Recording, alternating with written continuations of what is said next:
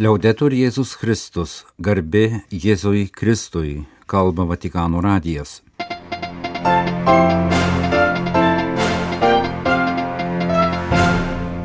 Malonus klausytojai šioje programoje.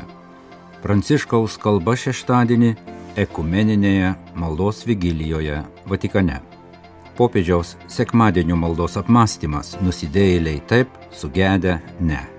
Po maldos ir palaiminimo popiežius pranešė, kad rengia dokumentą apie šventąją kudikėlio Jėzaus Teresę. Popiežiaus žinia Šventosios kudikystės institutui. Šventoji kudikėlio Jėzaus Teresė moko, kad vaikai savo malda gali padėti kitiems pažinti ir pamilti Jėzų. Piečencoje palaimintojų paskelbtas kankinys kunigas Giuseppe Beotti savaitė Lietuvoje spaudos apžvalga. Šeštadienio pavakarę popiežius Pranciškus, kitų bažnyčių ir krikščioniškų bendruomenių vadovai susinodo apie sinodiškumą asamblėjos nariais ir jaunimu iš daugelio kraštų Šventojo Petro aikštėje prie Šventojo Damijono kryžiaus meldė šventąją dvasę už sinodo darbus ir asamblėjos dalyvius už taiką Ukrainoje ir kituose karų ištiktuose kraštuose, už kūrinijos apsaugą ir visų krikščionių vienybę. Ekumeninį maldos susitikimą Together pradėjo Pranciškus, įvadinę intenciją perskaitė Baltramiejus Konstantinopolio patriarchas. Tėvė mūsų maldą, kurią visi dalyviai kalbėjo savo kalbomis, pradėjo Justinas Welby Kenterberio arkivyskupas Vigilijos maldas ir prašymus, kuriuos parengė Tezė bendruomenės ir Šventojo sosto institucijų atstovai, skaitė bažnyčių ir krikščioniškų konfesijų vadovai.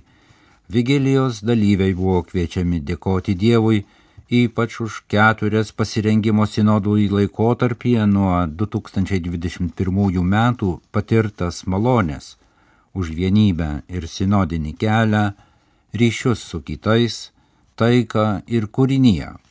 Invokacijose įvairiomis kalbomis melsta pasauliui taikos ir visų krikščionių vienybės, už abejojančius ir mažumas, kenčiančius dėl atskirties ir neapykantos, klimato kaitos ir taršos, stengiančiosius ginti biologinę įvairovę, kūrinyje, ir kad žemė būtų tinkama viskam, kas gyva, už visus, kurie palieka savo kraštą, tikėdamiesi gero ir oraus gyvenimo svetur, už pabėgėlius, migrantus ir juos priimančiuosius, smurto, priekabiavimo ir piknaudžiavimo aukas bažnyčioje ir visuomenėje ir už juos lydinčius gydimo, teisingumo ir laisvės kelyje už sinodo dalyvius, ganytojus, dvasininkus, vienuolius ir katechetus.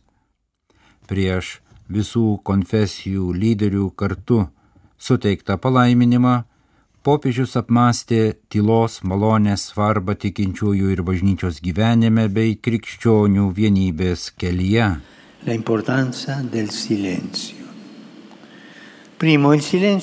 Tyla lydi Kristaus įsikūnyjimo ir mirties įvykius Dievo žodis virto tyla prakartėlėje ir ant kryžiaus, Jėzaus užgimimo naktį ir prisikėlimo naktį.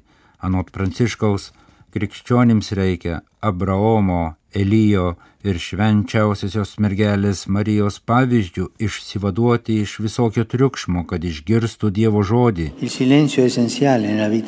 Tyla bažnyčios gyvenime įgalina brolišką bendrystę, per kurią šventoji dvasia suderina nusistatymų skirtingumą. Popiežius ragino prašyti šventosios dvasios, kad suteiktų sinodų dalyviams klausimosi malonę, klausytis Dievo, kad su juo išgirstų žmonių šauksmą ir klausytųsi žmonių, kad alsuotų valiai, kurią Dievas šaukia. Tylos reikia krikščionių vienybės kelyje Kristus meldė, kad visi jo mokiniai būtų viena. Malda virstanti tyla leidžia mums priimti vienybės malonę tokią, kokios nori Kristus ir priemonėmis, kurias jis mums suteikia, o ne kaip savarankišką vaisių subrandintą vien mūsų pastangomis ir pagal žmogiškus kriterijus. Romos vyskupas Pranciškus kvietė bendroje maldoje vėl mokytis tylos, klausytis Dievo balso, Jėzaus kvietimo ir šventosios dvasios dvelgsmo, kad sinodas taptų brolybės kerigma, tinkamas metas ir vieta šventajai dvasiai bažnyčią apvalyti nuo apkalbų, ideologijų ir polarizavimų.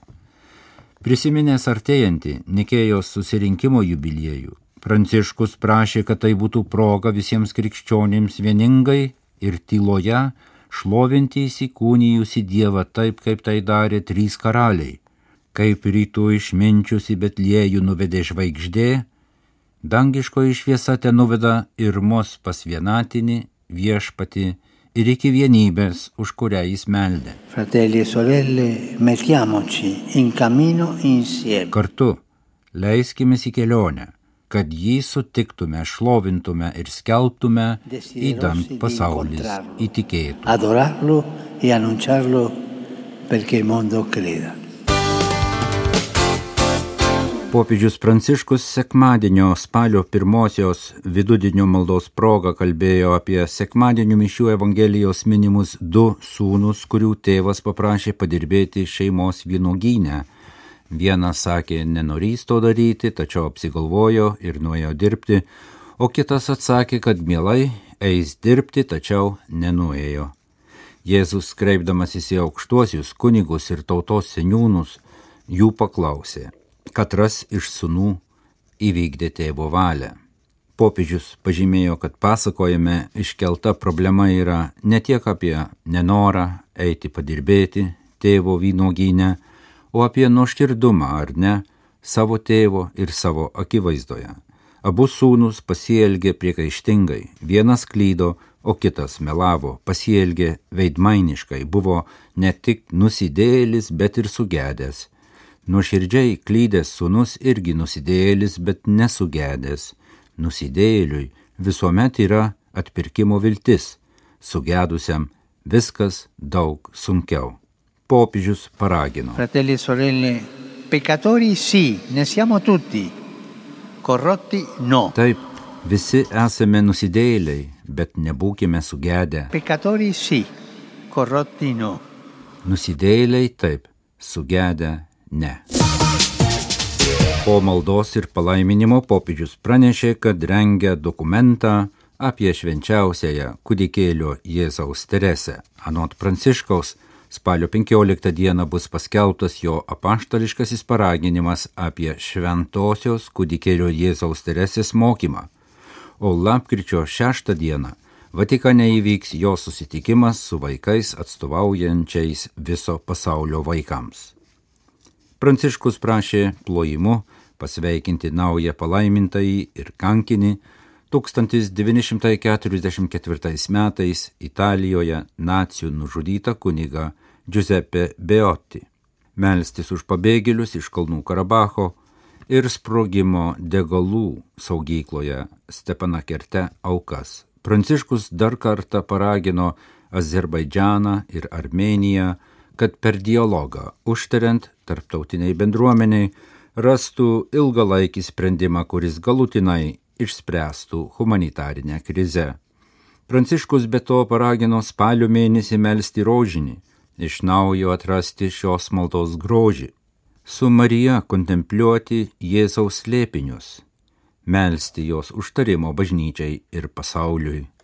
Popiežius ragino melstis už taiką ir kaip bene per kiekvieną sekmadienio vidudinių maldos susitikimą prisiminė Ukrainos kentėjimus, prašė melstis už Ukrainą ir už visus karų žaidžiamus kraštus. Pranciškus tikinčiųjų maldoms taip pat pavedė spalio mėnesį Vatikane vyksianti viskupų sinodą apie bažnyčios sinodiškumą. Popiežius pasveikino Šventojios kūdikystės instituto vadovus ir narius jo įkūrimo 180-ųjų metų proga. Prie tautų evangelizavimo dikasterijos veikiančio instituto darbuotojus popiežius pavadino savo ypatingais bendradarbiais. Pranciškus paragino Šventojios kūdikystės instituto narius darbuotis pagal steigėjo vyskupo Jansono charizmą ir sekant be nežinomiausios instituto narės šventosios kudikėlio Jėzaus Teresės pramintų mažuoju keliu. Romos vyskupas prašė, kad instituto nariai būtų ištikimi savo šūkiui. Vaikai meldžiasi už vaikus, vaikai evangelizuoja vaikus, vaikai padeda vaikams. Nancy vyskupas Jansonas įsteigė institutą, norėdamas padėti Kinijoje vargstantiems ir dėl bado mirštantiems apleistiems vaikams. Jėzaus pavyzdžių jis mokė, kaip rūpintis dėl kitų išganimo, dvasinio ir fizinio, nes Jėzus Dievo sūnus mirė ir prisikėlė dėl visų išganimo. Žinioje pažymėjo Pranciškus Jis pasidžiaugė, kad Šventojios kūdikystės institutas po 180 metų veiksmingai rūpinasi vaikų ugdymu, padeda vaikams visame pasaulyje būti mokiniais, misionieriais. Popiežius be to prisiminė, kad šiemet sukanka 150-osios Šventosios kūdikėlio Jėzaus Teresės, karmelitų vienuolės misijų ir misionierių globėjos gimimo metinės, o šiandien spalio pirmąją minima jos liturginė šventė. Pranciškus patikino, kad vaikai gali šventosios gyvenimo pavyzdžio išmokti dar vieną svarbų dalyką - kad savo malda, net būdami maži, gali padėti kitiems pažinti ir pamilti Jėzų, tyliai padedant kitiems daryti gerą.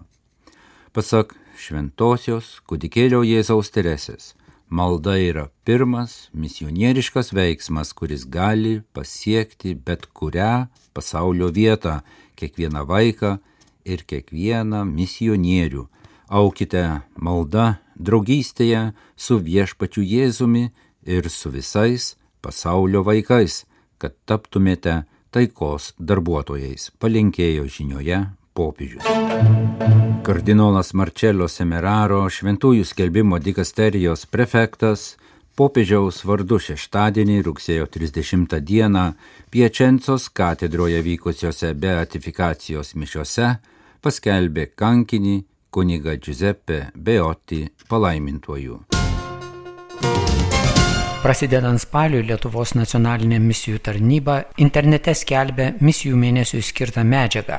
Misijinės veiklos tarnyba išleido plakatą ir specialią mėnesio knygelę lietuvių ir lenkų kalbomis. Joje kviečiama misijų intencijas sieti su rožinio malda.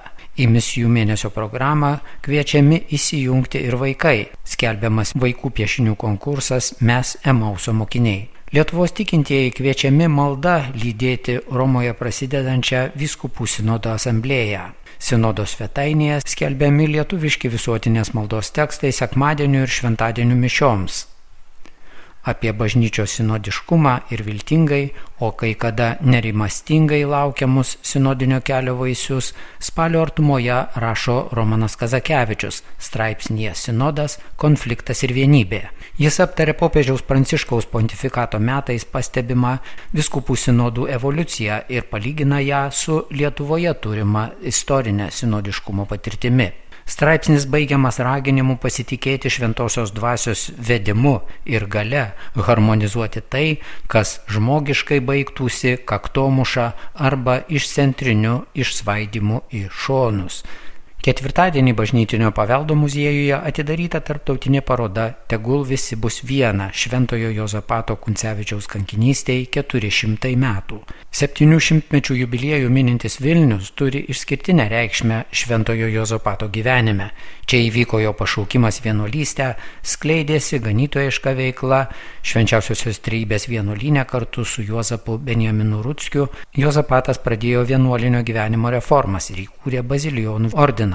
Minint Šventojo Jozapato kankinystės 400 metų sukaktį, Vilniuje lankėsi Ukrainos graikų apieigų katalikų bažnyčios vadovas, Kyjivo ir Haličio didysis arkivyskupas Svetoslavas Ševčiukas. Vilniaus švenčiausiosios trejybės bažnyčioje švesta dieviškoji liturgija, atidengtas bareljefas Šventojo Jozapato atminimui. Rugsėjo viduryje buvo pasirašyta bendradarbiavimo sutartis tarp vidaus reikalų ministerijos, priešgaisrinės apsaugos ir gelbėjimo departamento ir Lietuvos viskupų konferencijos. Apie šios sutarties turinį ir jos įgyvendinimą Bernardinų dienraštyje pasakoja Lietuvos viskupų konferencijos generalinis sekretorius kunigas Kestutis Milgevičius. Jis be kita ko komentuoja sutartyje numatytą galimybę bažnyčiose įrengti laikinas priedangas žmonėms pasislėpti galimo pavojaus atveju.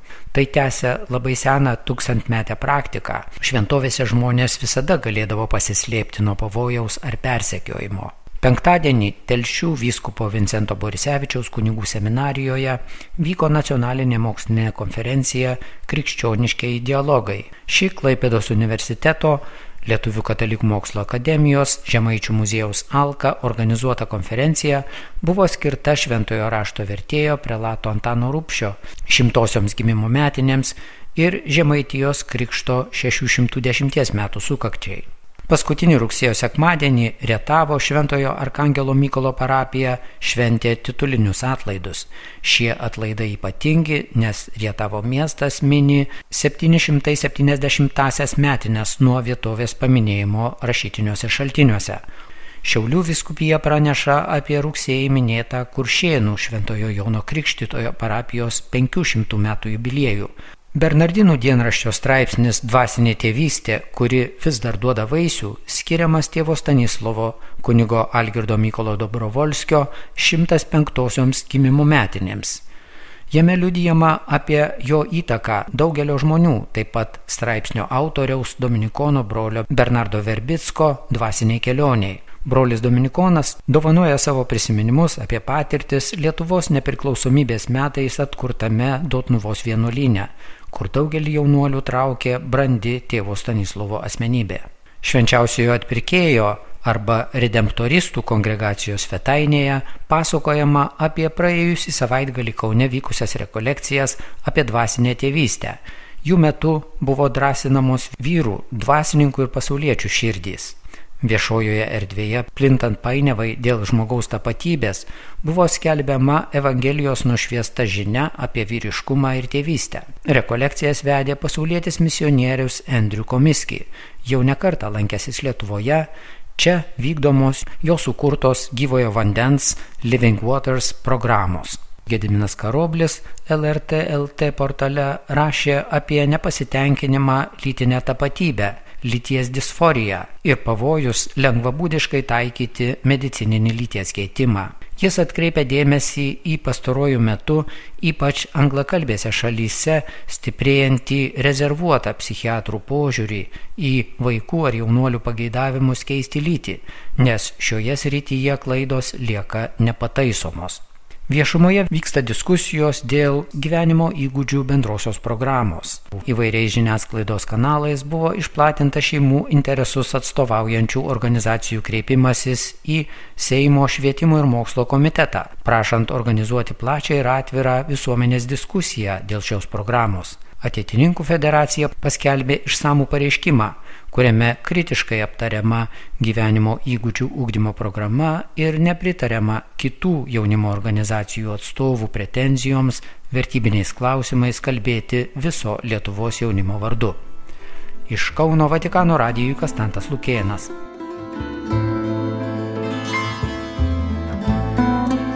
Kalba Vatikano radijas, laida lietuvių kalba baigime. Garbėjai Kristui, liaudetur Jėzus Kristus.